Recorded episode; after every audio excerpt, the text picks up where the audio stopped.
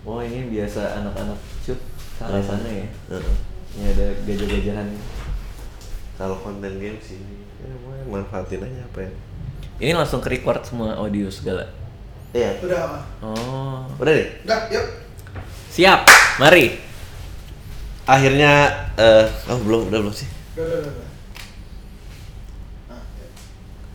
Sudah bareng Raditya Dika dan kembali. Ini udah langsung banget Udah, nih. langsung aja gini. Luar biasa, luar biasa. Podcast awal minggu. Gue eh, melihat video gue di lo ya. Oh, udah udah lihat. Eh, gua kira gua akan ternyata itu salah satu video paling rendah mungkin ya ada di YouTube lo. iya, kayaknya sih ya. Cuman iya iya iya. Orang-orang saking nggak tahu ya itu anjing gua sama pilot itu aja kalah ternyata ya. Sama Vincent Vincent Raditya ya, Vincent Raditya. Vincent Raditya udah mau 600 ribu view-nya. Wow, wow. juta lebih. Berarti emang segitu berbedanya penonton ya berarti ya. Eh, sebenarnya gue ketika bikin podcast itu gue tahu view-nya pasti kecil. Eh. Gue gua udah gua udah punya feeling Eh, karena platformnya kan gue bagi juga kan ke Spotify kan. Hmm. Terus yang kedua juga itu konten panjang gitu. Jadi sebenarnya feeling gue memang segituan gitu. Cuman yang gue nggak sangka adalah beberapa eh, episode itu ada yang naik di belakang gitu. Iya, Jadi iya, long iya, tail iya. itu panjang banget gitu. Memang.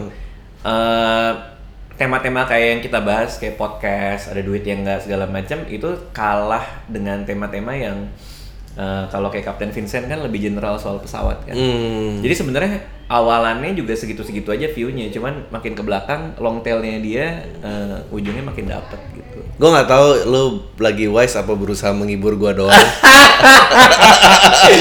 Enggak, cuman ya kebayangnya gitu lah.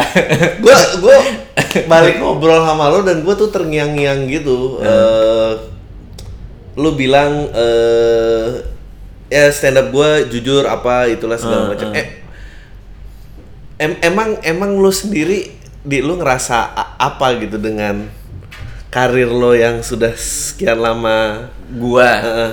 kepuasan itu hilang emang beneran mengganggu atau? Mengganggu mengganggu. Karena kalau gue selalu bikin konten itu satu buat orang lain satu buat gue. Hmm. jadi mau itu film mau itu buku mau itu uh, video YouTube gue selalu bikin satu buat orang yang orang suka satu buat diri gue sendiri yang gue suka. Sehingga uh, cum- uh, cuman masalahnya adalah lama-lama gue ngejar apa yang orang suka aja gitu. Kebablasan gitu lama-lama lama-lama dari satu-satu jadi dua satu jadi tiga satu jadi empat satu gitu. Dan lama-lama kok nggak fulfilling lagi gitu. Nggak nggak memuaskan gue lagi. Nah yang terjadi adalah makanya gue mulai lebih jujur dalam bikin uh, sesuatu gitu. Contohnya kayak podcast ini. Podcast ini gue bener-bener gue udah nggak peduli mau berapa yang nonton gue pengen ngobrolin apa yang gue seneng gue suka ya udah jadinya kayak gitu. Nah lucunya adalah beberapa view yang gue ngerasa hmm, kayaknya kurang nih dan orang nggak terlalu suka dan akhirnya gue kompromis lagi gue mencari mencari bintang tamu bintang tamu yang gua lebih mainstream gitu loh gitu dan dan ya ya mau gimana gitu maksud gue gue ternyata nyandu sama perasaan untuk diapresiat lebih banyak Ya gitu. ampun. Oke, nah ini, ini gue gue tuh penasaran karena sebetulnya kalau lu bilang ya gue Hmm. gue terima kasih banget kalau dibilang honest, tapi gue memang secara kayak it just never enter my conscious gitu bahwa eh ada kayak ada sebuah lahan yang harus Hmm. ditahlukin gitu dan dan eh, lo ngobrol apa gini gue notice eh, Ata bakal nyalip lo Ricis, gue, ya lu ngomong itu. eh, Hmm. lu lu aware gitu lu dengan competing dengan siapa environmentnya kayak apa gua tuh have no clue gitu. Maksudnya kalau nggak karena anak-anak gua nggak tahu kali Ata gitu. Maksudnya Hmm. gue juga ngeri. Gue gue nggak mau jadi om-om yang udah detach terus berusaha ngikutin perkembangan karena itu juga aneh gitu. Iya, betul, tapi eh perasaan conversation kayak tiap hari kayak yang lu bilang gitu anjing it's about number. Semua Iya. kalau ketemu kayak eh dong collab gitu Iya, apa ya. Artifisial sekali ya atau kayak apa gimana sih rasanya? Gitu betul betul betul betul. Kayak misalnya apa ya? Misalnya gue sama Kapten Vincent nih. Eh, Eh, Kapten Vincent dia salah satu youtuber yang lagi naik daun banget sekarang. Eh, apalagi kemarin dia lagi trending nomor satu kan di Indonesia.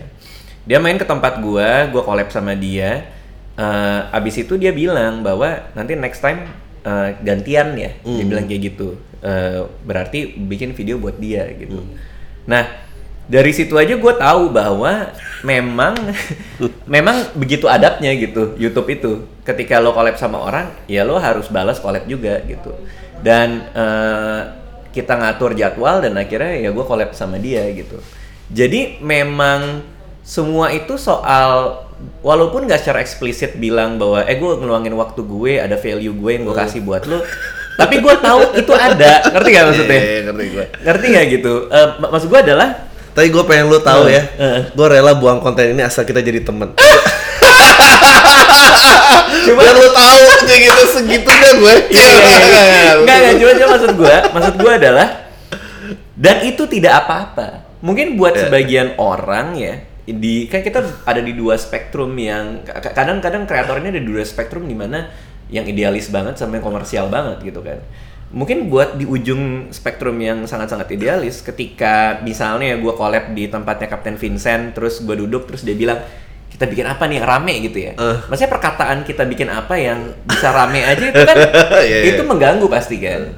Cuman buat gua yang berada di tengah-tengah spektrum, gua ngerasa oke lo maunya kayak gimana eh, dan dan dari data channel lo Eh, apa yang biasanya seru gitu. Wow. Akhirnya kita ngobrol, kita kita develop eh, eh, bareng video buat dia ada ada dua hari itu gitu.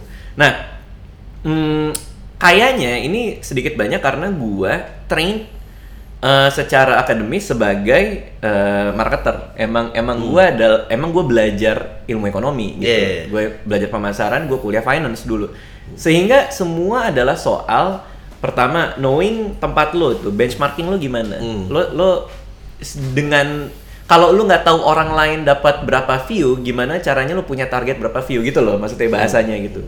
Lalu ka- karena gua train sebagai eh, orang ekonomi gitu, maka gua harus punya grow gitu, growth gitu. Iya, iya, iya. Seberapa besar gue tumbuh, apakah 20, 30, 40 persen, tapi industrinya kayak gimana gitu. Itu juga yang ngebuat gue ngejual saham gue di penerbit Bukune, Oke. which is penerbit yang gue bikin sendiri pada saat itu. Karena saat itu industri industri buku lagi turun banget dan gue kayaknya mesti kabur deh. gue exit sebelum Iya. turun semua. Gue kayaknya mesti kabur ya karena gue jual saham di situ. Karena balik lagi kita di data gue tidak menunjukkan ini grow yang Wow. panjang gitu. Wow, wow. Gue sebagai orang yang eh, background emang marketing dan advertising tuh Iya, iya. tersindir sebetulnya. gue juga gue lagi mikir ke- kenapa gue nggak ngambil jalan lo ya gitu. Maksudnya ka- kalau gue tuh kayak ada ngoyo bukan yang ngoyo sih sebetulnya kayak Heeh. gue tahu reference gue ini, gue pengen push kalau gue jadi reference gue orang-orang tuh penerimaannya kayak apa gitu. Iya iya iya. Dan setelah sekian tahun, eh ya pokoknya terhenti dengan pertanyaan juga, anjing gue kalau mati hari ini rela nggak stand up-nya cuma segini? Jawabannya nggak rela, makanya mulai ngebongkar gitu gimana caranya Lo eh, lebih masif lah gitu. lebih ya. gede lagi, lebih gede lagi, lebih gede lagi gitu. Eh tapi doing it from that way around ke sini gue lebih nggak kebayang lagi gitu. Iya iya, misalnya gini, misalnya kita eh, gua selalu dapet eh, ngobrol per mungkin per semester sama YouTube. Hmm. Kita duduk bareng, kita bongkar bareng konten gua apa yang works, apa yang enggak, eh, retentionnya berapa, orang nonton sampai habis apa enggak. Kita duduk bareng. Lalu di situ kita menemukan bahwa data eh, konten-konten paranormal experience gua di mana gua ngomongin perhantuan itu banyak banget yang nonton. Nah, jalan tengahnya yang gue dapat adalah gini, ketika lo bermain di spektrum yang sangat komersial lah, Is, lu pasti bukan pasti sih, lo lo mungkin ngerasa bahwa lo bisa fabricate cerita-cerita hantu ini, Hmm. karena lo cerita soal cerita hantu di rumah, terus rame, view-nya gede banget. Langkah logis berikutnya adalah Iya. gue ceritain lagi di rumah gue, Iya, iya. tapi gue kan nggak ada konten kan, maksudnya maksudnya nggak ada nggak ada cerita hantu kan, Hmm. ya gue settingan aja, gue bikin aja gitu kan. Hmm. Nah, gua mengambil langkah di mana gua nggak mau ke sana. Di Hmm. mana gua nge- tahu datanya, gua tahu bahwa eh, orang nonton gede, tapi gua nggak sampai hati untuk berbohong demi data, ngerti nggak maksud gue? Demi view. Oke. Sehingga yang terjadi jalan tengah yang gua ambil adalah gua bikin paranormal experience eh, cerita hantu tapi dari cerita orang. Maka ada Ari Lasso, ada siapa segala macam dan emang tepat gitu berdasarkan data yang gua punya, histori yang gua dapat eh, itu semua tembus 5 juta view, 4 juta, Hmm. 5 juta, 3 juta gitu sama Soima dan lain-lain Wow. gitu. Nah, jadi eh, celakanya adalah banyak teman-teman yang bermain di spektrum yang paling kanan yang sangat idealis. Ketika mereka baca data, mereka akan bilang, gua nggak bisa bikin konten sesuai data apa yang laku. Tapi kan kita bisa nyari compromise yang kita. Betul, mau, betul, betul, gitu betul, loh betul, maksudnya. betul. Iya, iya. Sehingga ya itulah berangkat dari gua gua adalah seorang pemasar juga. eh, Ya gue mencari konten di mana gue tidak harus berkorban secara idealisme gue, tapi gue masih tetap dapat ininya datanya. Emang comedic mind lo nggak misalnya dalam conversation orang-orang itu kayak eh tergantian ya apa gitu-gitu suara di kepala lu nggak nggak rame ya kayak tertawakan diri lu sendiri aduh gue ngapain sih ada di sini dan apa Eh, gimana konteksnya apa nih? Maksudnya gimana nih? gue tuh adalah orang yang eh misalnya premier film atau terima penghargaan atau apa, gue tuh pasti langsung otomatis di mindset yang skeptis. Gue langsung, Betul, betul. gue pengen gue keluar dari orang ketiga dan nih, tai nih semua orang kayak gak ada, Iya, iya. gak Iya, ada iya. faedahnya semua Iya, gue ada iya, di iya, sini iya, dan iya. eh itu tuh gue bisa redam karena frekuensinya nggak setinggi itu. Nah, lu di encounter encounter itu tiap itu emang nggak gimana comedic mind lu tuh bisa akhirnya kalah sama data mind lu? Itu sih pertanyaan gue. Eh, gua gue coba rangkai ya. Jadi maksudnya adalah Jadi lu ada kalau- finding data, Heeh. bahwa orang suka cerita hantu lah katakanlah gitu ya. Terus terus lu secara orang yang ngerti data, lu akan oke gue mau gue ke sini. Tapi kan comedic mind lu pasti selalu kayak ngapain sih orang nih jadi data slave lah nggak lu nggak kayak gitu ya di kepala lu emang kalau kalau kalau kalau contohnya itu sih enggak ya. Oh, maksudnya enggak maksudnya karena kalau gua ngera misal misal lagi nih, kita ngelihat Ata Halilintar tiap hari gerbek rumah artis gitu Hmm. Iya, kan. iya. Maka secara komedian kita melihat itu aneh dan kita akan menggugat kan. Eh, oh, eh, apalagi banyak yang pakai baju AHA kan. Iya, iya, iya. orang orang mau aja sih Iya, iya. pakai baju Iya. AHA di Iya, AHA, iya, kan. iya, iya. Gugatan itu muncul gitu. Iya. Memang iya itu muncul gitu. Cuman gua kadang nggak nemu lucunya. Yang bener loh Iya, kal- kal- kalau gue tergugat, gue tergugah, gue tidak menemukan itu menjadi sebuah materi stand up yang baik gitu men- eh, dari dari kepala gue gitu. Oh. Karena buat gue itu malah memviktimisasi kelakuan orang yang gue tidak 100% ngerti. oh Ngerti gak sih maksudnya? Iya, iya, Kayak- paham, paham, kayak-. Kayak misalnya Vicky Prasetyo gitu. Iya. Gue mau nge-roast Vicky Prasetyo bisa aja karena Iya, kan easy. aneh banget Iya, kan didobrak apa segala macam. Tapi gue nggak 100% ngerti apa yang terjadi gitu. Oh. Bahwa itu mengganggu gue iya gitu. Nah ketika gue di atas panggung gue megang mic dan gue menggugat sesuatu seperti tadi, gue harus 100% yakin bahwa apa yang dia lakukan itu salah gitu. Dan gue nggak bisa nemu itu di antara semua teman-teman youtuber-youtuber gue gitu. masa dari Ata nggak nuk gitu gue kayak At- Atta Halilintar dan Gen Halilintar itu termasuk yang yang sering gua uh, sentil di stand up gue Hmm. gitu yang gue bilang apa namanya gue pengen anak 11 biar kayak Gen Halilintar karena banyak anak banyak adsense. Sekarang bukan banyak anak banyak gitu. Iya. itu ter- it- itu menggugah menggugat gue tergugah gitu. Cuman konteksnya adalah eh gue tidak menjadikan mereka objek secara secara eksplisit gitu loh. Ngerti gak sih maksudnya? Eh karena kan ada komedian yang ngambil jalan eh, untuk ya objektifikasi mereka gitu langsung Iya, langsung iya, iya. diserang gitu kan. Tapi kalau gua enggak gitu. Bahkan setelah stand up itu keluar eh, apalagi Sai ya kalau ada yang nonton stand up komedi gua aslinya kan Sai gua roasting banget tuh tapi di YouTube ada yang gua sensor gitu kan. Bahkan setelah gua turun panggung hal pertama yang gua lakukan adalah gua nyari jadwal gimana gua collab sama Sai supaya tahu bahwa komedi gua tuh tidak berangkat dari kebencian. Bahwa gua Eh, gua semua orang yang gua bawa ke atas panggung itu iya benar. nggak betul pernah gue juga benci gitu. gue juga nggak bisa. It- itu yang membuat eh, gua jadi nggak apa ya kalau kalau tadi Offensive.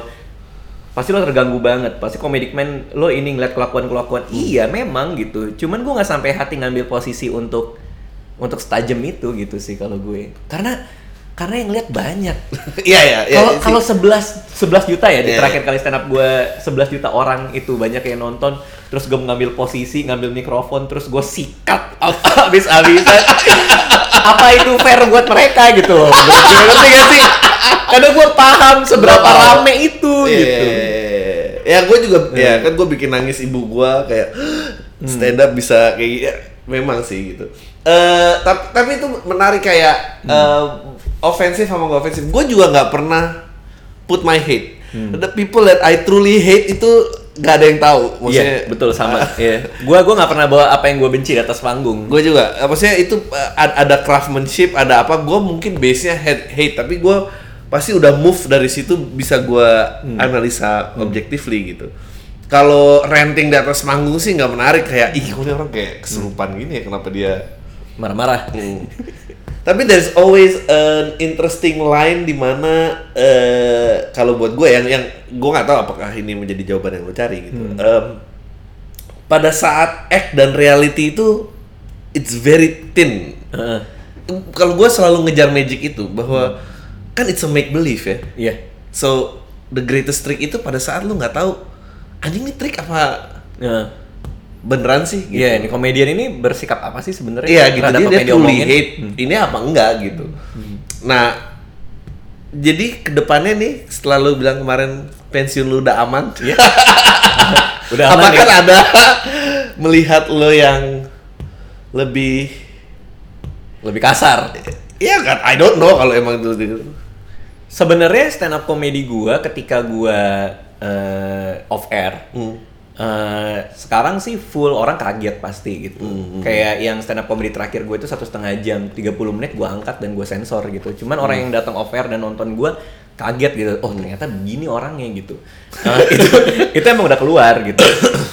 Cuman yang terjadi adalah kit- kit- eh, kalau gue bicara dari emosi real yang harus gue angkat untuk nulis stand up comedy, gue kan selalu bicara soal keresahan kan. Nah keresahannya itu stable apa dan serela apa gue bicarakan itu yang sekarang gue udah nggak mikir. Oke. Kalau dulu tuh mungkin gue masih mikir ini ada yang mau denger nggak? Oh, iya. Atau atau separah ini, separah ini gue nggak tau parah apa nggak ya. Cuman gue eh, dua spesial yang terakhir itu di YouTube, gue ngajak anak-anak eh, kuliahan usia 20, 21, 22, 23, 20 cewek, 21 cowok, dua dua cowok cewek dan dan selang-seling gitu. Yang gue tanya adalah, lu lagi merasakan apa gitu? Kita rasa soal Instagram gitu misalnya. Kenapa ada Instagram? Ya repot banget harus orang Indonesia itu harus punya dua account gitu. Yang satu eh, akun palsu buat ngata-ngatain temen atau artis gitu segala macam. Wah ini menarik. Jadi gue mencari keresahan yang sama antara gue dengan orang-orang yang gue anggap Yeah. sebagai penonton Yeah. gitu. Baru itu gue sarikan, gue bawa ke atas panggung. Sekarang udah enggak. Sekarang gue cuman tinggal mikir gue mau bicara apa gitu. Dan gue udah nggak peduli orang itu berbagi keresahan yang sama apa enggak gitu. Nah, cuman tetap harus di craft kan. Hmm. Jadi crafting gue adalah kemarin gue ngobrol sama Ridwan Remin juga soal ini. Gue memposisikan diri sebagai seorang kontrarian gitu. Hmm. Jadi eh, gue adalah calon bapak yang biasa aja ketika eh, istri gue ngasih lihat eh, tes packnya itu hamil. Malah Eko Patrio yang sebelah gue sampai mau nangis meluk-meluk gue sebenarnya gue kayak ini anak gue apa anak dia sih sebenarnya kan gue jadi bingung gitu kan.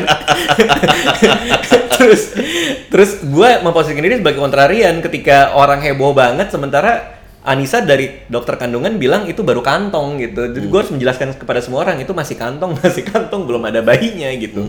Jadi gue mencoba menjadi seorang kontrarian gitu. Gue mencoba menjadi seseorang yang merasa apa yang society ini bikin dengan segala macam struktur yang orang pahami dan iyain itu salah gitu.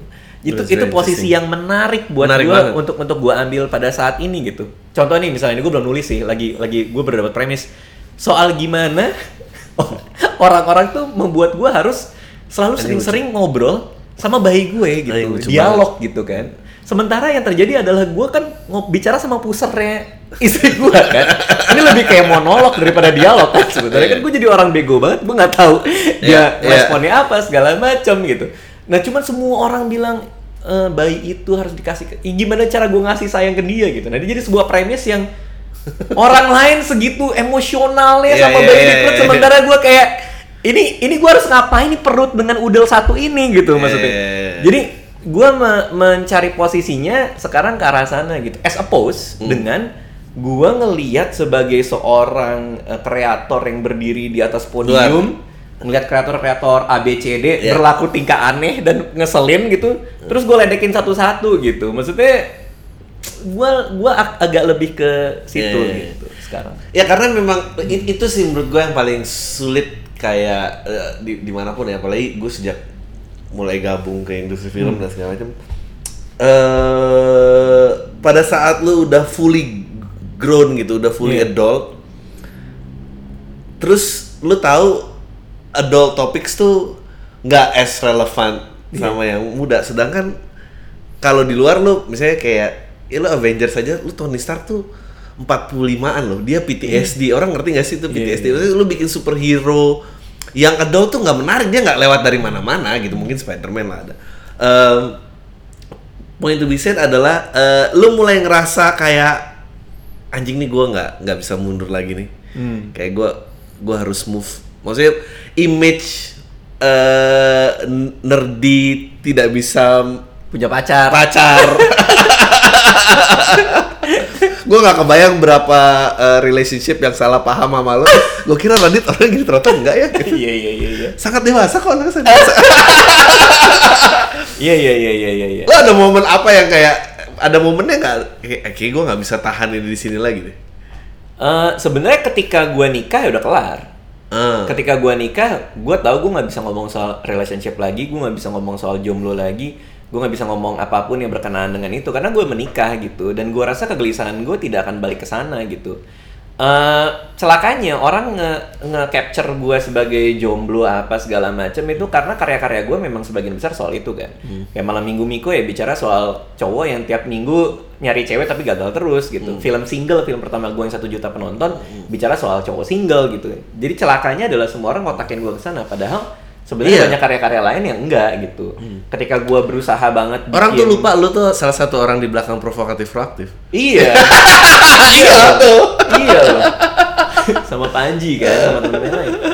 Eh, celakanya orang orang lebih lebih inget yang sana, apalagi stand up comedy gue ketika gue muncul bicara soal jomblo dan lain-lain gitu.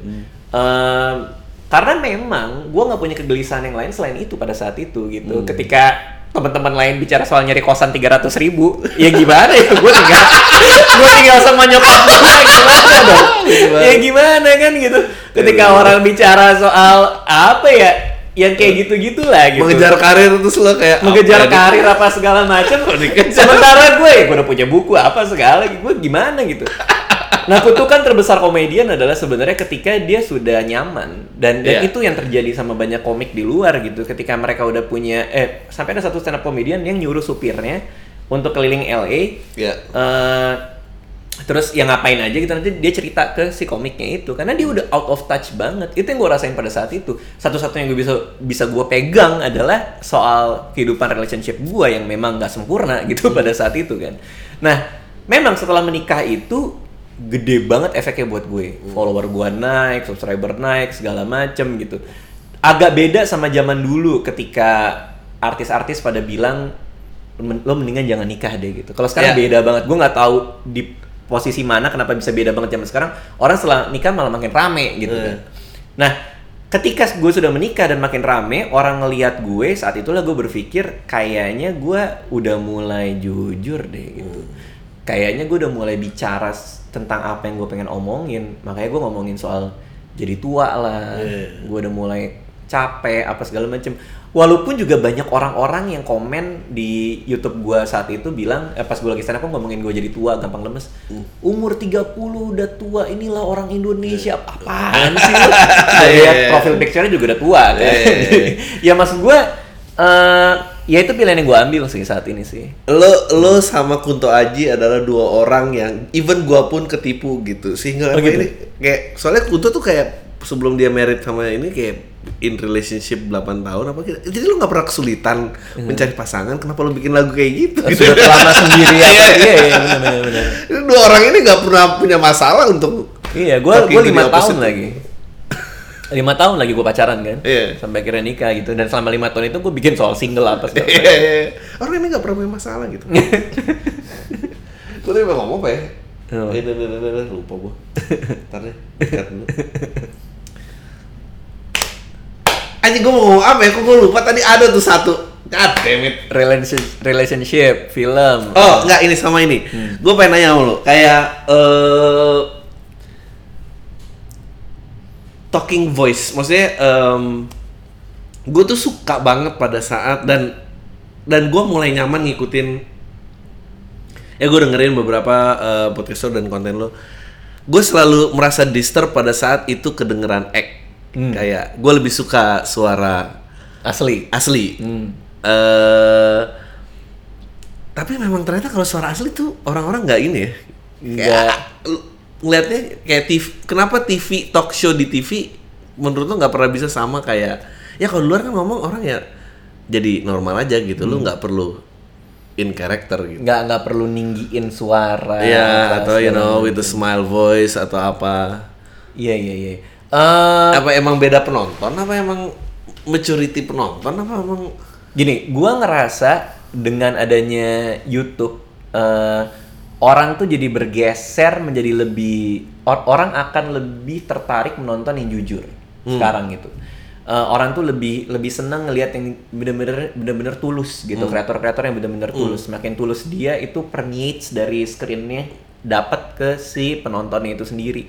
Eh, dan itu yang gua rasain dari Joe Rogan podcast Ya. gitu. dia memang betul-betul anti talk show gitu. Ya nggak pakai tadi smiling voice nggak pakai intro apa segala macam. Datang ngomong udah selesai dua jam tiga jam kelar gitu. J- eh, dan beda banget sama talk show talk show luar gitu.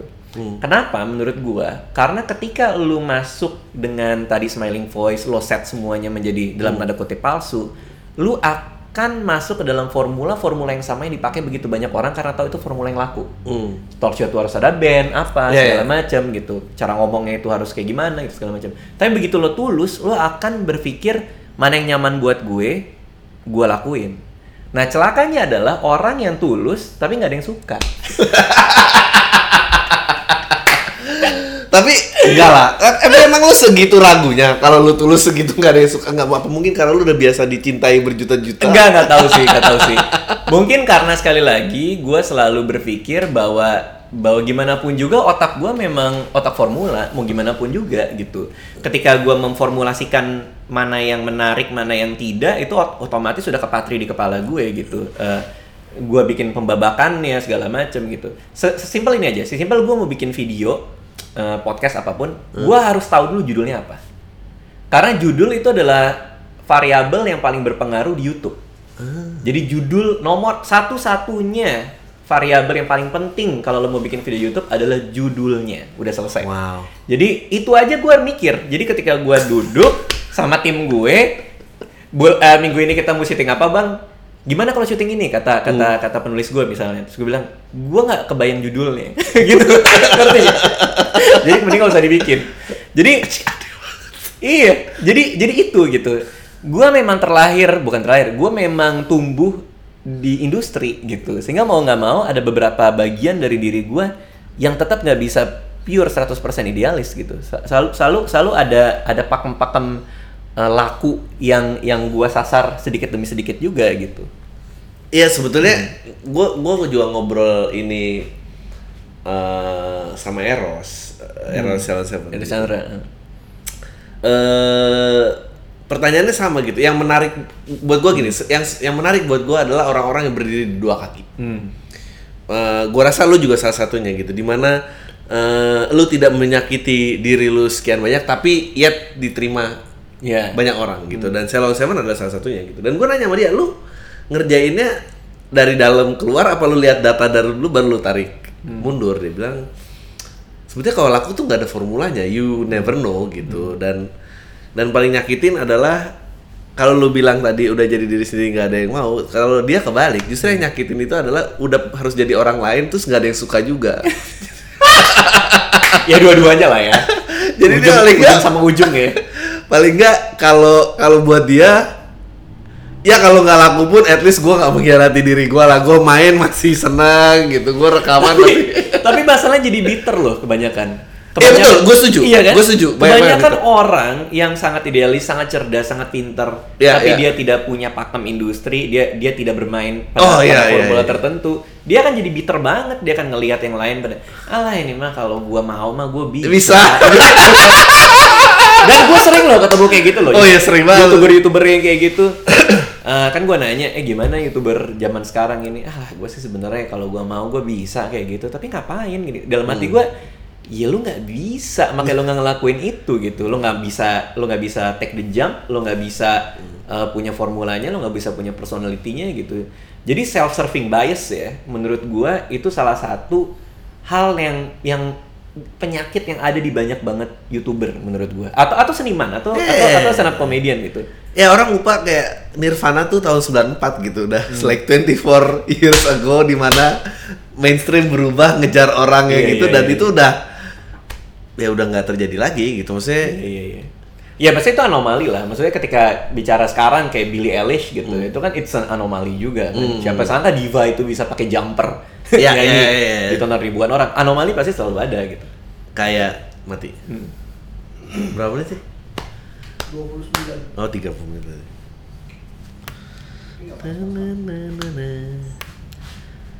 Oh gue inget mau nanya apa Ya udah, ntar aja Udah, bisa lanjut Nah, eh, ya, cuman eh, ya itu self-serving bias itu gue lihat di banyak banget seniman gitu kan. Eh, mereka selalu menyalahkan orang lain ketimbang diri mereka sendiri. Itu ciri-ciri orang yang nggak grow menurut gue. Jadi itu yang selalu gue hindari juga. Se- segede-gedenya penonton gue, se sehebat-hebatnya gue merasa diri gue ketika gue dapat piala apa segala macam, gue nggak pernah ngerasa gue keren gitu. Itu masalahnya gitu. Gue selalu ngerasa semua yang gue lakukan adalah failure, tapi dikit demi dikit gue failnya lebih baik aja gitu. Eh, gue inget banget eh Mike Birbiglia tuh dinasehatin sama pasangannya. Dia nggak pernah bisa ngubatin eh, sleepwalkingnya dia. Iya iya iya iya. Ya. Eh, sampai istrinya bilang bahwa, you know, eh lu akan selalu suffering, so better be accomplished. Iya iya iya. Nah, Jadi sampai ujung tuh dia selalu nggak ini. Lu ngomongin keresahan, lu nonton eh, dokumenternya Jerry Seinfeld nggak komedian? Komedian nonton cuma nggak semuanya. Iya, tapi kan dia tuh ceritanya gitu kan, bahwa after the height of success dia balik lagi open mic di tempat Iya. pertama di open mic, markir mercy-nya di ujung gang lah, jadi Iya. biar gak ketahuan. Iya iya iya iya iya. iya. Nah, yang pengen gue tanya ini personal sih. Tapi lu in personal life relationship lu emang orangnya sedingin ini, maksudnya. Maksudnya apa? gue bisa ngerti sih kenapa waktu itu Deddy Corbuzier ada bilang kalau ada psikopat ya. Psikopat dan gue lulus loh. iya dan iya karena lu dingin banget gitu. Gue pengen lihat lu banting meja. Apakah lu pernah gebrak meja kalau sama orang tuh gimana? Oh, gua gua kalau ngedirect film, kalau gua marah, gua marah banget. Kalau ada, ada ada yang nggak pas gitu. Cuman cuman memang gue tuh punya masalah sama relasi sama orang. Eh. Itu menyebabkan banyak banget stand up comedian bilang gue sombong. Banyak banget teman-teman kerja gue pada bilang sombong, apa segala macam. Karena gue punya masalah sama berinteraksi sama orang gitu. Dan dan secara gue punya dokumennya di mana bilang bahwa gue adalah eh, antisosial gitu. Gue punya masalah masalah sosial gitu ketika gue tes eh, kepribadian SMA dan tes IQ gitu kan. Nah jadi memang gue punya masalah di situ. Gue nggak tahu kenapa eh, eh, dalam-dalamnya ada apa gue nggak tahu. Tapi memang ke istri gue sendiri pun pacar gue selama lima tahun memang gue nggak nggak hangat juga gitu. Maksudnya dalam artian kayak apa ya? Kayak misalnya segampang ini deh ya segampang eh, oh misalnya gini gini gini gini. Dulu dulu gue pernah pacaran sama cewek terus dia bilang aku boleh nggak eh, apa namanya nongkrong sama eh, temanku dia tetangga di satu komplek gitu. Oh ya udah boleh gue bilang. Udah. Terus eh, begitu dia nanya lagi aku boleh nggak eh, ditemenin beli DVD sama dia gitu? Oh boleh. Aku boleh nggak nemenin dia skateboard? Boleh. Habis itu gue main ke rumah dia bawain bawain hokben waktu itu. Terus gue ngeliat kok dia nonton berdua sama si kampret sama si cowok ini gitu di di rumahnya gitu. Eh, jadi kita nonton bertiga habis itu minggu depan gua ke rumah dia nggak bisa ditemuin minggu depannya dia jadian sama si cowok itu. Dan gua nggak apa-apa. Dan habis itu gue kayak oh ya udah gitu. Jadi gua memang kayak gitu. Gua nggak yang kayak aku boleh nggak sama cowok ini? Aku nggak denger perasaan aku apa segala macam aku nih laki laki-laki kamu nih segala macam ketika gua dia putus sama gua terus gua nggak yang eh kamu ternyata mengkhianati aku ya. Aku udah ngizinin kamu pergi ternyata dia nusuk dari belakang. Tapi gua nggak ada masalah gitu Iya, ngerti iya, maksudnya? Emang begitu aja gitu. Itu itu itu yang aneh juga sih. gue ya ini, ini sama nih gue juga kayak ada setiap mau berbicara kayak ini kalau gue ngomong gini gue tuh paling takut jadi orang yang sok sok dalam hal sok pinter sok Iya. dekat tuh gue paling kayak Iya. aduh ngapain sih ini orang jadi tuh tadi gue mau bilang nggak dit gue sebetulnya mirip sama lo tapi kayak kalau gue bilang mirip kira dit ntar mikir apa nggak ya gitu Apa apa gimana? Lo mirip Nggak, gue gue gue gue adalah salah satu orang yang jika in relationship gue mencurigai pasangan gue berselingkuh, gue akan putusin aja nggak perlu nunggu buktinya. Oh gitu. Iya, karena percuma buat apa? Hmm. Toh jika gagal lu hidup dengan keparnoan lo, Iya. jika benar lu cuma mencari bukti yang lu udah tahu gitu. Iya, So iya. conclusionnya udah ketahuan sebetulnya. Iya iya iya. So gue nggak pernah discuss, gue selalu decide. Jadi gue kayak Iya iya iya. ya, iya. gini, ya udah udah aja, lah udah gimana sih? Ya Iya, udah, iya. ya mau gimana? Daripada gue gebrak-gebrak mobil nih gitu. Iya iya. Dan lo dianggapnya bangsat berarti sama cewek itu ya Iya. kan? Eluf, gue dibilangnya eluf nggak ada perasaan ya. dia dia cerita ke teman-temannya pasti gitu Iya, kan. eluf, nggak ada gitu. iya. Pasti gitu kan. Sama gue juga gitu. cuman ya cuman ya nggak semua orang tahan lah sama gue lah menurut gue ya. Oh iya iya iya, lu sih work of art pasti. Eh, iya itu pasti 100% nggak nggak semua orang tahan ya. Cuman yang jadinya adalah di setiap hubungan gue ya, terutama sama Anissa ya. Kayak sekarang gue nggak pernah ada berantem, gue nggak pernah apa. Semua diselesaikan dengan komunikasi yang dingin gitu. Misalnya, aku mau ini ini ini, aku nggak suka kamu kayak gini. Oh ya udah. Tapi kalau menurut aku komprominya adalah kayak gini gini. Ya udah oke sepakat ya selesai gitu. Jadi nggak totally totally santai gitu relationship gue sama dia ya gitu ya. Tapi lu memposisikan diri lo, having so many, maksudnya lu ditonton banyak orang dan ini, it- it- it- itu nggak nge grogotin lo in a way kayak anjing kenapa gue jadi nempatin diri gue di sini sih? Mbak, gimana, gimana? Maksudnya gimana? Ya lu kan eh, lu loner banget menurut gue lu true banget, ya, parah. true definition of loner Yes. gitu. Heeh. Tapi lu menjebak diri lo di posisi di mana lu di Dilihat orang. dilihat orang. Kalau lu jadi petugas kelurahan kan lu nggak lu nggak harus suffer sama ini lagi, tapi kan lu nggak mau nih gitu. inilah nikmatnya jadi komedian Eh, komedian tuh menurut gua adalah sebuah hierarki antara si komediannya dan penonton dan udah pasti dengan jelas bahwa ya posisinya lebih tinggi adalah komediannya Hmm. sehingga gua bebas ngapain aja di atas panggung tanpa peduli perasaan orang yang ngebuat kita capek dalam socializing Iya. adalah mikirin perasaan orang kan? Iya, paling kita kita harus memaintain conversation sama dia yang menarik kita Iya. harus tahu waktunya dia kebuang apa tidak dengan adik kita kita harus merangkai kata-kata supaya dia nggak mikirin kayak tadi lo bilang gitu dia ada kata apa enggak tapi kalau lo jadi komedian lo masuk ke atas panggung gitu. itu semua orang di bawah lo lo kayak anjing lo langsung gitu aja kan udah kelar kan makanya gue selalu ada sesi roasting ketika roasting penonton ya maksudnya ketika gue eh, bikin show gitu Eh, To know who's in charge ya. Iya, iya. Karena gue bodoh amat. Gue gua ngambil mikrofon, gue sikat aja satu-satu gitu. Dan, dan dan emang bodoh amat gitu. Jadi ya ya ya itu justru empower gue untuk untuk masuk ke dalam sifat gue yang asli gitu bahwa gue loner, gue nggak punya apa segala macem. Nah kadang-kadang ini lucu banget nih. Kadang-kadang Wira ya manajer gue itu terlalu ngambil satu langkah di atas gitu. Karena karena dia tahu gue tuh loner. Dia tahu gue orangnya nggak doyan ngomong apa segala macem. Si G Pamungkas pernah datang ke gue bilang, gua kemarin habis nyelamatin lu gitu. Nyelamatin apa? Gua keluar kota ada anak komunitas di sana bilang Raditya Dika tuh sombong banget ya dia bilang gitu. Kenapa sombong banget? Di mobil gua kan nanya Radit yang jawab manajernya lah itu gua nggak sempat jawab jadi Wira ini saking ngejagain gua yang loner ini gua di mobilnya lagi diam Mas Radit mau makan apa? Wiranya jawab gitu. Enggak, biasanya nggak makan. Ya tapi kan itu emang dia udah tahu kan. Sebenarnya bu- gua kan nggak ada ill feeling kan. Iya. Gua nggak ada yang kayak lu nggak bisa ngomong sama gua, ngomongnya harus nggak gitu kan. Cuma orang kan menerjemahkannya kan salah. Gua pernah satu acara di Surabaya nih, ini lucu banget. Eh, ada acara di Surabaya, kampus yang bikin, gue lupa di mana gitu. Gue masuk di eh, backstage. Itu kan ada band apa segala macam. Pas gue masuk, anjir nih backstage-nya rapi, bersih gitu, Iya. nggak ada apa-apa. Cuma ada kopi doang. Kopi di tengah gitu, terus gue minum, gue perform, gue pulang. Heboh di Twitter. Oh ini artis dari Jakarta kurang ajar apa segala macam. Terus eh, Raditya Dika pada ngetek gua kan. Raditya Dika pada mention gua eh, apa namanya sombong banget segala macam. Terus eh, dijelasin sama dia bikin thread. Tulisannya adalah eh, kita lagi band, lagi lagi persiapan abis eh, mau ngeband, tiba-tiba disuruh clear ruangan karena Raditya Dika mau masuk, jadi kita nggak boleh satu ruangan sama dia. Gua nggak pernah minta itu gitu loh. Tapi gua tahu biang keladinya siapa.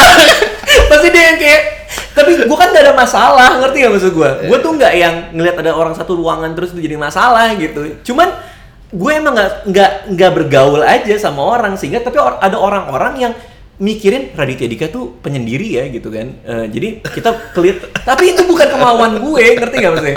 Jadi kesalahpahaman kesalahpahaman itu Eh. sering banget terjadi gara-gara gara-gara tadi gitu loh. Padahal gue masih bisa kompromis di di tempat umum. Lu lu punya problem dealing sama orang yang high energy nggak? Eh, maksudnya gimana? Lu tadi mention eh, G gitu. Eh, ada kan orang yang high energy gitu. Oh, kayak G ya gitu. gitu kan. Langsung, oh, ini. Nggak, gue tuh sekarang lu nyebut G dan lu gini, gue tuh jadi anjing totally make sense. Gue sekarang ngerti kenapa lu pelihara kucing. Kenapa? Karena lu pasti nggak tahan anjing sih. Karena anjing ketemu lu kayak, sedangkan lu kayak, kenapa sih dia segini? Coba turut. Sebenarnya jangan tinggi tinggi. Sebenarnya kenapa gue nggak melihara anjing bukan karena gue harus berhadapan sama energi itu. Jadi persoalan gue bukan energinya. Eh, oke. Persoalan gue adalah di ribetnya. Oh, iya. Jadi gue nggak bisa mekomitkan diri gue untuk ngajak dia jalan tiap hari atau nggak dia jadi gila nih anjing gitu. Iya, iya, iya. Nah nyambung ke soal G, G itu termasuk orang yang gue seneng banget kalau dia ada. Oh, oh that's the Karena dia bisa bikin orang jadi fokusnya ke dia. Ngerti nggak? Kalau di rumah gua kan, kalau ada game pasti orang larinya ke dia. Sementara gua tinggal mojok aja main HP kan. Jadi gua nggak nggak nggak punya kewajiban buat entertain orang kalau ada game pamungkas gitu. Dan makanya gua seneng banget kalau ada game di rumah gue karena dia bisa bisa hidup seperti dia biasanya dan perhatiannya jadi ke dia gitu. And it's okay gitu. Jadi jadi malah nah problem gue nggak di energi gitu. Gue justru suka banget kalau ada yang biar biar ke sana. Sa- Gua kalau gua harus gitu. nggak maksud gua dealing dengan energi itu kalau gua kalau lu ke trap, maksudnya lu in one on one conversation terus dia high energi gitu Oh, dan iya dan itu gua kayak siapa lagi ya? Yang high energy. Ya Angga tuh juga salah satu yang high energy dan itu lumayan. Karena gua di dalam hati gua tuh pasti kayak setiap ngomong sama orang yang high energy ya gini ngomong ngomong ngomong ngomong ngomong. Terus gua tuh suka kayak anjing lu sadar gak sih kayak udah hampir semenit lu ngomong terus nih dan nggak pernah ngelihat lawan lu kalau lawan lu tuh juga anjing capek berhenti kayak gitu ngapain sih lu ngomong terus Iya iya itu itu gue juga juga bingung sih. Ada ada sih orang kayak gitu sih. Ada eh, ya gue dulu banyak kayak gitu ya, gue dulu kayak gitu ya. maksudnya gue dulu kayak gitu sebelum bisa nganalisa diri sendiri lama-lama kayak anjing gue saya ngomong sering-seringnya gini Cuma kadang-kadang orang-orang yang seperti itu karena mereka tahu mereka karena mereka tahu mereka tahu gitu. Mereka tahu banyak gitu. Jadi mereka mau share soal apa yang Iya, mereka iya. tahu gitu. Kadang yang gue tangkap sih gitu juga ya. Eh, Salman Aristo contohnya guru guru nulis gue gitu. Itu dia kalau kalau misalnya ngomongnya panjang banget. Tapi gue karena gue bisa karena gue bisa dengerin kan. Oh Iya, gitu. iya, iya, iya. Nah untungnya gue adalah pendengar yang cukup baik gitu. Maksudnya gue gue orang yang cukup baik mendengarkan orang dan gue tahu itu salah satu skill gue gitu. Di mana gue bisa dengerin orang, gue digest, eh, terus gue keluarin argumen lain untuk untuk dia omong lagi dan panjang lagi. Gitu. Jadi. Biar kenapa gue Iya. gue gak mau hold responsibility ini. Karena salah satu trik gue karena kan gue punya masalah ya dalam dalam dalam berteman ya. Salah satu trik gue adalah untuk membuat orang suka sama gue untuk bonding. Ini trik psikologi yang gue diem-diem punya ya adalah minta dia ngajarin sesuatu. Oh iya iya jadi betul, kalau betul. dia ngajarin kita sesuatu itu end up-nya biasanya kita bondingnya lebih deket. Nah makanya kadang-kadang gue suka ngerancang itu ketika gue ketemu orang. Wah ini orang kayak berisik deh. Dalam hati gue ya kan? Ada ada satu artis kemarin ketemu di acara mobil itu. Ternyata dia energinya tinggi banget gitu kan. Gue baru ketemu salaman dia. Eh bro kita gini gini gini gini gini gini. Oh iya iya. Akhirnya gue jadi nanya gitu Eh, kalau Iya, buat, buat lo di industri film sekarang gini tuh lo ini gak sih puas gak sih? Oh gue puas banget oh, panjang gitu. lumayan break lima Iya menit bener, gitu. Terus eh, menurut lo kalau misalnya gua mau coba ke acting yang lebih dramatis, lebih serius, anjing. eh, sarannya apa sih? Oh lo tuh gini gini gini gini. Padahal gua nggak pengen juga.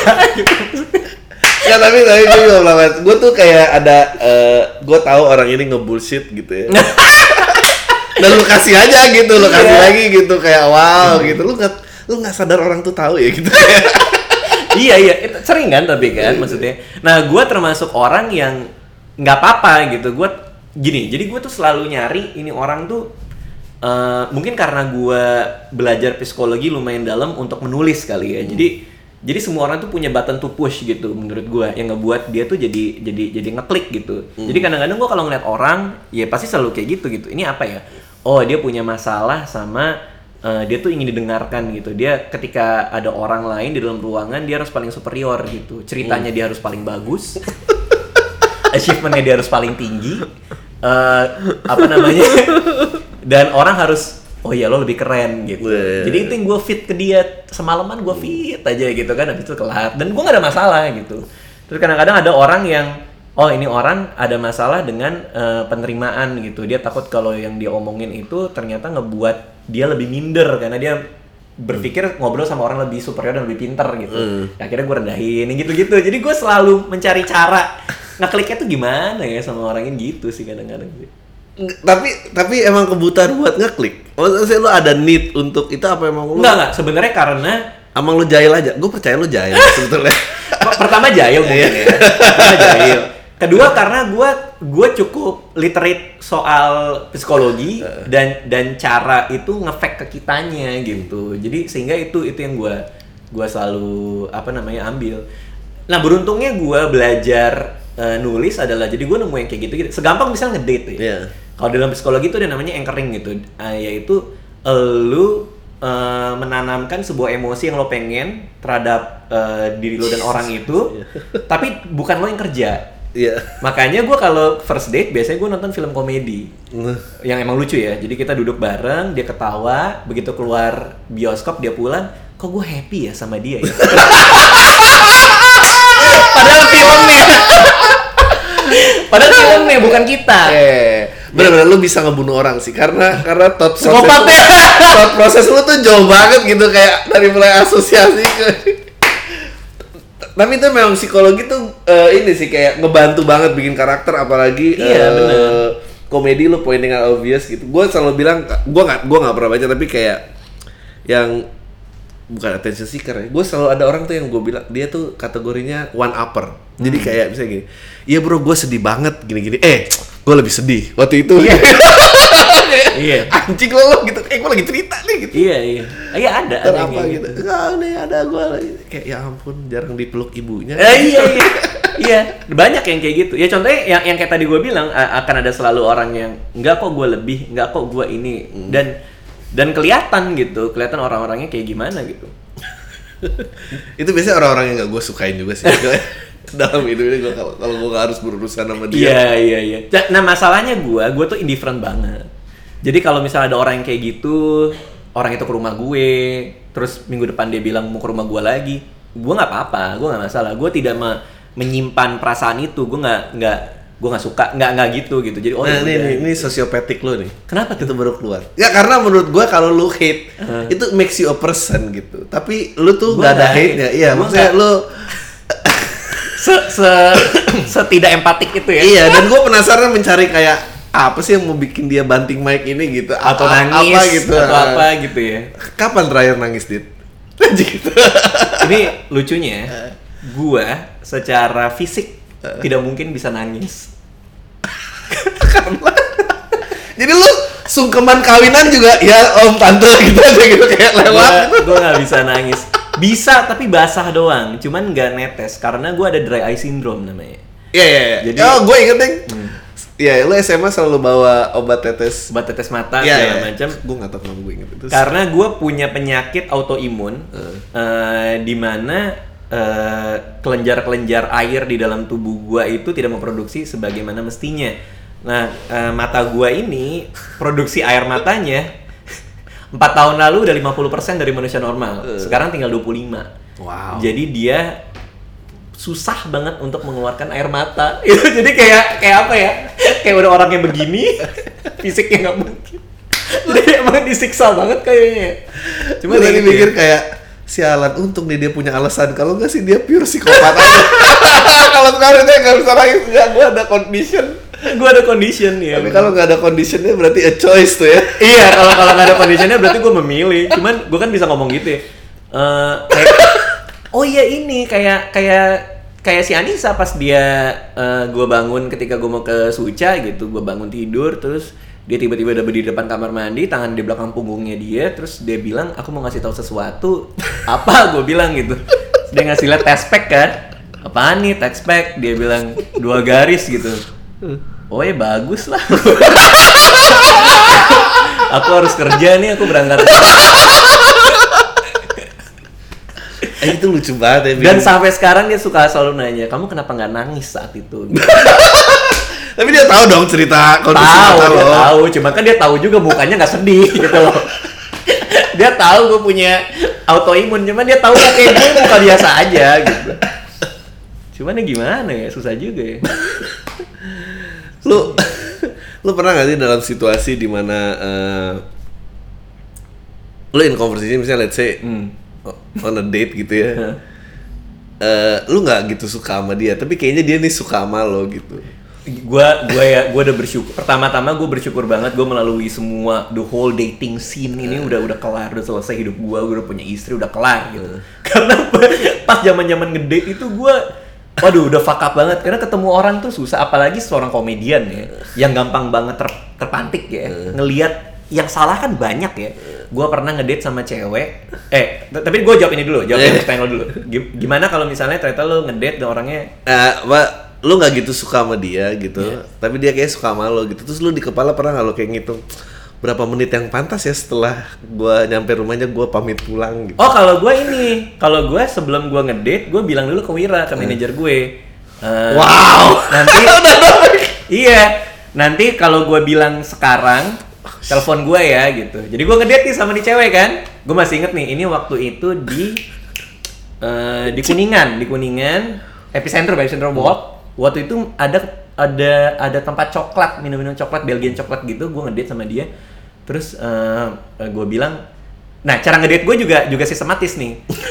Pertama-tama gue kalau mau ngedate sama cewek, itu nih tips buat kalian juga. Pertama, jangan pernah makan siang, jangan pernah nonton, jangan pernah jemput ke rumahnya. Tapi kalau first date selalu Jesus. coffee. Oke. Always coffee dan jam 4 sore atau jam 11 siang. Kenapa? Karena kalau ngopinya seru, lo bisa lanjut ke lunch, Iya. habis itu pulang. Kalau ngopinya sorenya seru, ya lo bisa dinner. Iya. Kalau misalnya masih seru dinner, lo bisa langsung nonton, habis itu lo bisa tawarin pulang. Tapi jangan pernah lo nawarin jemput ngopi pulang. Yang kedua adalah, tadi ini akan nyambung ke jawabannya. Adalah gue ngasih tahu Wira, kalau gue WhatsApp sekarang, gue bilang sekarang, tuh artinya dia nelfon gue. Nah cewek ini duduk sama gue, ngopi, menurut gue ya menarik lah gitu ceweknya. Terus gue bilang kita mau pindah nggak eh, makan malam, gue bilang gitu. Terus si cewek bilang, eh tapi anterin aku ke rumah dulu ya. Kenapa? Karena ini baju ngopi bukan baju dinner. Oke. gue nggak bisa. gue nggak bisa, gue nggak bisa. Gue udah kayak, aduh apa nih? gue pikir bagus orangnya gitu ternyata. Eh, lucu banget. Bajunya aja mesti begitu kan, ini pasti udah kebayang. Ini pasti orangnya repot, dia pasti ada standar sendiri, dia peduli banget sama image. Buat dia yang kayak gini-gini harus cocok. Pasti ini akan sangat ribet kalau gue punya relationship sama dia. Jadi gue WhatsApp Wira sekarang gitu. Nelpon lah Wira kan. Wira cuman diem doang, tapi gue yang aduh ya Allah bener nih. Beneran Will. Sekarang banget. Iya, iya. Aduh sorry banget ya tiba-tiba ada kerjaan.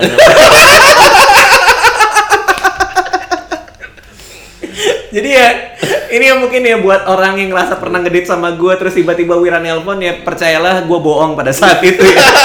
Gua- lo tahu ya, gue udah kawin bodo amat lah.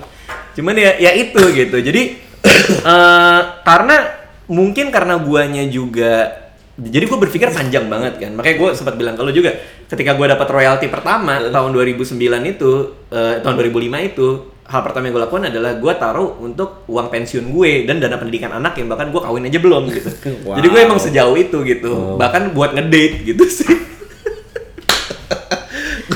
Anjing lucu banget.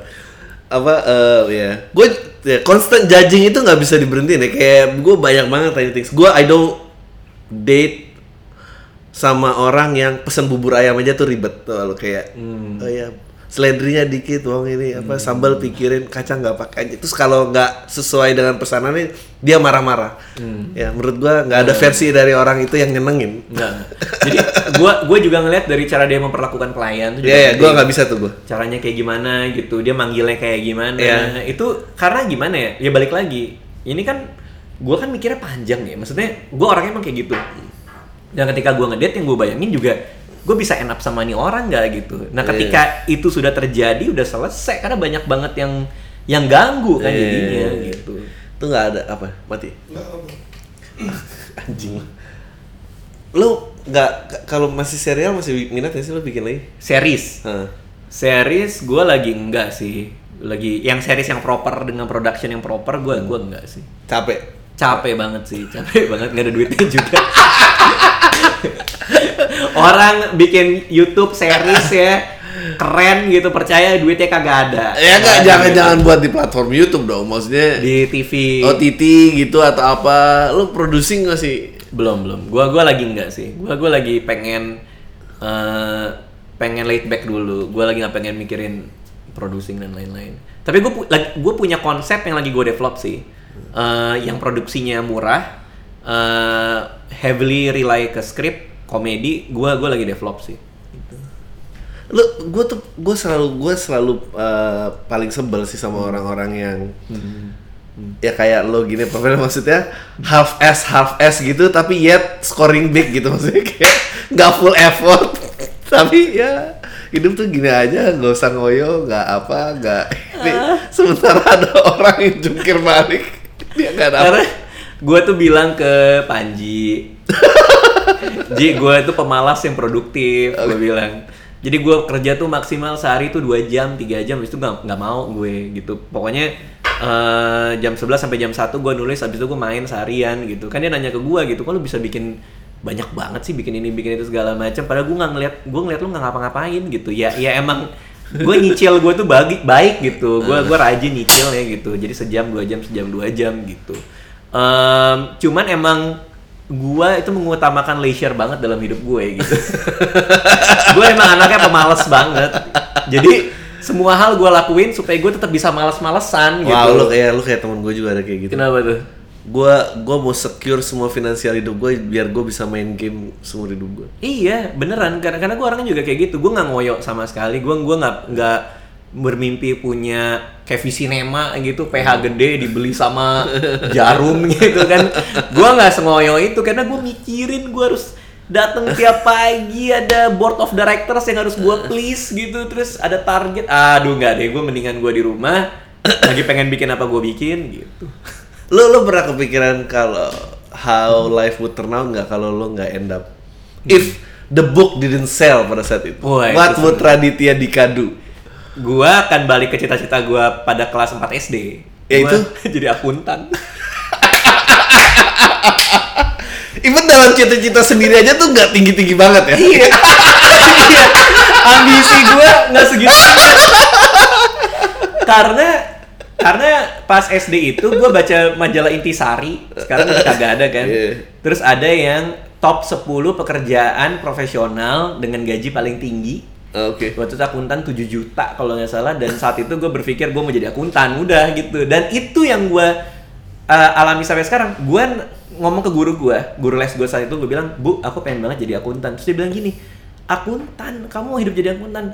Bayangin kamu tiap hari ngitung duit orang eh ngelihat angka di komputer hidup kamu terpredik dengan dengan tiap hari itu kamu bisa mikir kamu akan ini besok akan ini besok akan ini dan sama terus. Apa serunya? Justru itu serunya. Untuk hidup di mana lo bisa tahu besok bakal ngapain itu seru kan? Maksud gue lo datang ke tempat yang sama tiap Kenapa hari. harus ada surprise? Iya.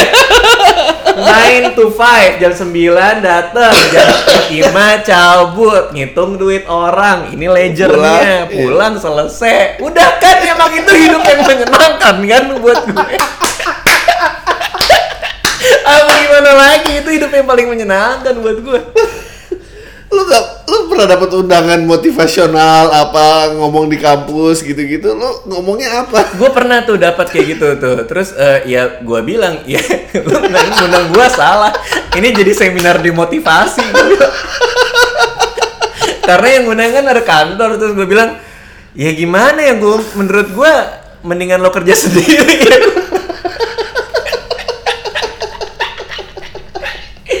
Iya, cuman ya, cuman ya kadang-kadang kan orang menilik gua, apalagi waktu itu kan gue dapet eh, yang dari net tuh kan, eh, orang paling kreatif di Indonesia waktu itu dua, dua tahun berturut-turut kalau nggak salah tuh kan.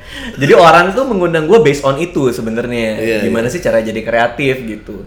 Nah, dan selalu gue yang gue omongin adalah untuk jadi kreatif tuh sebenarnya pertama harus punya wawasan. Karena ibaratnya kalau lo nggak tahu Iya. bentuk ban itu apa setir apa lo nggak bisa bikin apa-apa. Jadi kreasi itu kan tergantung bahan bakunya apa. Jadi wawasan itu harus harus harus harus fast gitu harus harus banyak gitu. Nah yang kedua adalah ini juga rahasia gue sih sebenarnya. Kalau tadi pertanyaan dulu Pan juga sempat nanya lo juga sempat singgung tadi kenapa gue bisa banyak bikin karena gue mencari apa yang baru gitu. Jadi gue selalu nyari ngulik yang baru tuh apa ya gitu untuk untuk untuk gue buat. Eh, persis pertama kali gue bikin blog jadi buku atau malam minggu Miko atau stand up comedy di awal-awal gitu. Ya saat itu gue mencari yang baru tuh apa yang bisa gue buat kayak gitu gitu. It- itu itu rahasia longe- longevity gue sih. Mati. Anjing lucu banget. Ya itu rahasia umur panjang gue sih kenapa sam- bisa sampai sekarang sih gitu. eh nggak pernah lu ngerasa mulai wah gua am into something else ini gua am into something really big nih kayaknya Hmm, misalnya ada momen ada momen itu nggak maksudnya kan semua berasal berawal dari iseng dong maksudnya Oh iya iya. Iya, iya. Ya, gue baru dan mau, apa mau gitu. jawab dengan dengan kalimat itu sih bahwa yang gue lakukan adalah iseng memang gitu. Hmm. Eksperimen gue adalah semua semuanya keisengan gitu. Kayak misalnya eh buku kambing jantan Iya. blog pertama kali gue ngeblog pas di SMA 70 itu juga karena gue iseng gitu. Eh, cuman ya saat itu gue mencari bentuk yang baru kan. Hmm. Gua gua gua mencari apa yang baru yang bisa gue buat. Oh iseng ah bikin blog. Malam minggu minggu pun juga kayak gitu daripada semua orang nggak suka sinetron dan nyampah di Twitter ngejelek-jelekin sinetron kenapa gua nggak bikin apa yang gua Iya, mau gitu iya, kan iya. ya iseng juga bahkan gua nggak punya ini nggak nggak punya degree apa pun di di penyutradaraan gitu. Ketika ada tim gua datang gua aja nggak tahu apa yang mau gua shoot gitu kan. Sampai akhirnya sampai akhirnya duit produksi habis gue masih ngutang satu episode dan akhirnya gue bikin episode yang cuma webcaman doang. Dan semua orang bilang itu inovatif banget padahal itu gara-gara duit gue ingat banget gue pernah datang lu lagi produksi gue lupa lagi produksi apa gue datang sama Rian. Sama Kamga kalau nggak salah oh orang kamu nggak ya Iya, Lambang Merah Jamu ya film. terus kabar lu ya emang ngedirect gimana sih Dit? ya nggak tahu lah gue juga kadang-kadang gimana ya Tahu. Gak tahu sama sekali.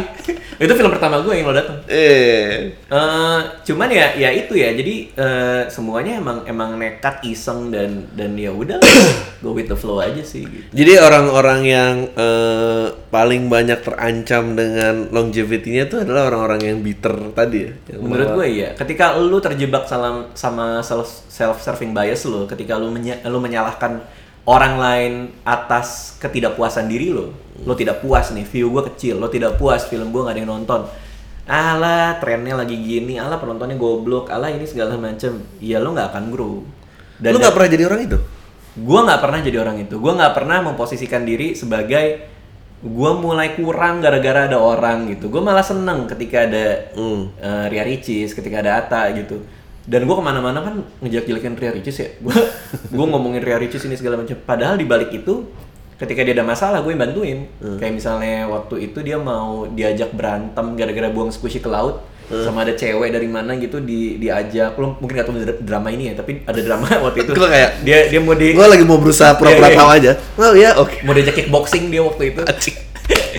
Terus rame kan dihujat sana sini gitu. Tapi gue yang bantuin gue WhatsApp dia gue bilang "Eh, ini gue gue bikinin PR-nya supaya lo nggak tahu dan nggak ada orang yang tahu. Eh, sama Ata pun kayak kemarin gue WhatsApp Ata gitu eh lu dilihat banyak orang Eh, saran gue sih lo rapiin pajak lo karena kita nggak pernah tahu aja. akhirnya dia ke kantor pajak apa segala macem. Jadi gue justru kalau gue mau lihat orang celaka ya apalagi nih orang di atas gue kan sekarang kan ya gue diem aja gitu. Maksudnya gue menikmati semua kehancuran itu dan menunggu saat gue kembali gitu kan cuman cuman gue nggak bisa gitu gue gua nggak bisa menjadi orang yang orang yang bitter dan dan Wow, kayak gitu gitu jadi gue secara diem-diem bantu bantuin teman-teman yang lain sih Nggak nggak pernah any point in life SMA dan nggak karena Hmm. eh, ya buat gue menarik aja gitu. Gue spend a long time of my life being bitter gitu ya. Hmm. sampai kayak anjing ternyata ini nggak bikin ke mana-mana ya gitu dan eh, lu from the get go gitu kayaknya udah full of wisdom dan Enggak, gua nggak tahu itu wisdom atau enggak ya. Karena gua memang orang yang ya gitu aja gitu. Mak- Eh. Maksud gua nih co- contoh ya kalau kalau kita mau tarik jauh ke SMA ya. eh, di SMA kelas 3 ngerjain kelas 1 dong. Iya. Ya kan? Digampar lah. Iya. Ciuman pertama gua tuh di SMA 70 sama laki-laki lain loh gara-gara tuker-tuker permen loh. Bangsat emang. Itu first kiss loh gue di di di balkon lantai satu loh lantai dua loh di di pojokan dan dia sama keluarganya lagi dulu papa iya. Nah, em, tadi sampai oke. Eh, Eh, first kiss. itu Oh. dendamnya luar biasa kan. Hmm. Maksud gua ketika lo digituin kelas 3, begitu lo kelas 3, lo pasti akan melakukan hal yang serupa Hmm, kan.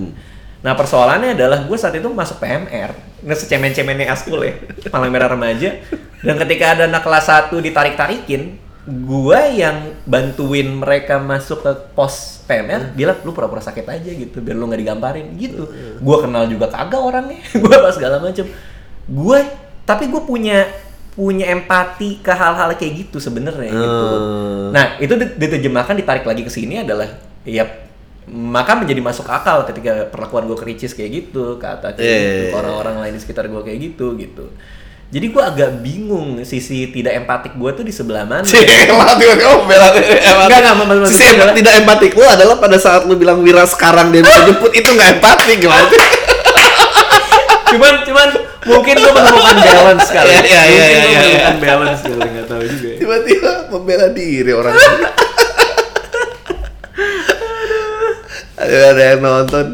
Gue sih pernah gambar adik kelas gue tapi gue nggak pernah walk out date dengan cara gitu. lebih baik ya one upper ya lu one upper lu Gak ada sih kayak berarti itu aja udah gue. Iya, iya, iya. Ya happy banget ya sih gue. eh apa ya? Gue tuh kayak masih belum bisa menghilangkan nervous deket lu dan gue nggak suka itu loh. Gua kenapa itu Nggak tahu gue Emang kenapa. emang ada apa gue merasa gue orangnya cukup eh, confidence gitu ya dengan Oh, gitu diri ya? orang lain tapi entah kenapa nggak tahu gue nggak nggak kayak gue ada gini. Gue ngitung dari tadi berapa kali gue gini. Iya gue juga gitu gue juga gitu. Anjing gue pengen banget sih sama kamu.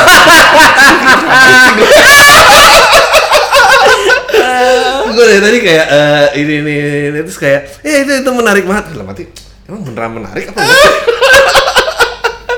ada vibe ada vibe nggak tahu ya buat gue ngeliat lu tuh ada kayak men kalau mau pengen akrab dong mungkin dia 100 kali 100 kali kayak dari tiap hari tuh pengen ada orang yang akrab gitu. Masa gue jadi 100 orang itu sih gitu kayak? Dan gue ja- kayak gue inget banget ada komen eh.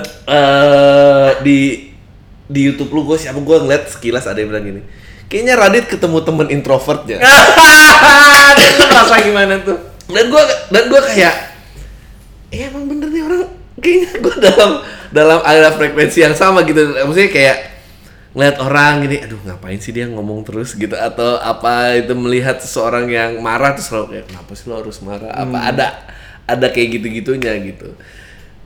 Tapi mungkin yang disturbing buat gue adalah dari semua similarity itu eh lu jauh lebih sukses. Jadi kesannya gue kayak mau naikin tangga fame itu dan gue menolak jadi orang itu Iya, gitu iya, iya, iya, Ah, udah itu aja sebelum lima lagi thank you Oke. banget Ya makasih ya Dri ya, semuanya makasih ya, dadah. Wah, seru nih. Emang rata-rata sejam Dri, tempat lo? Se- sejam di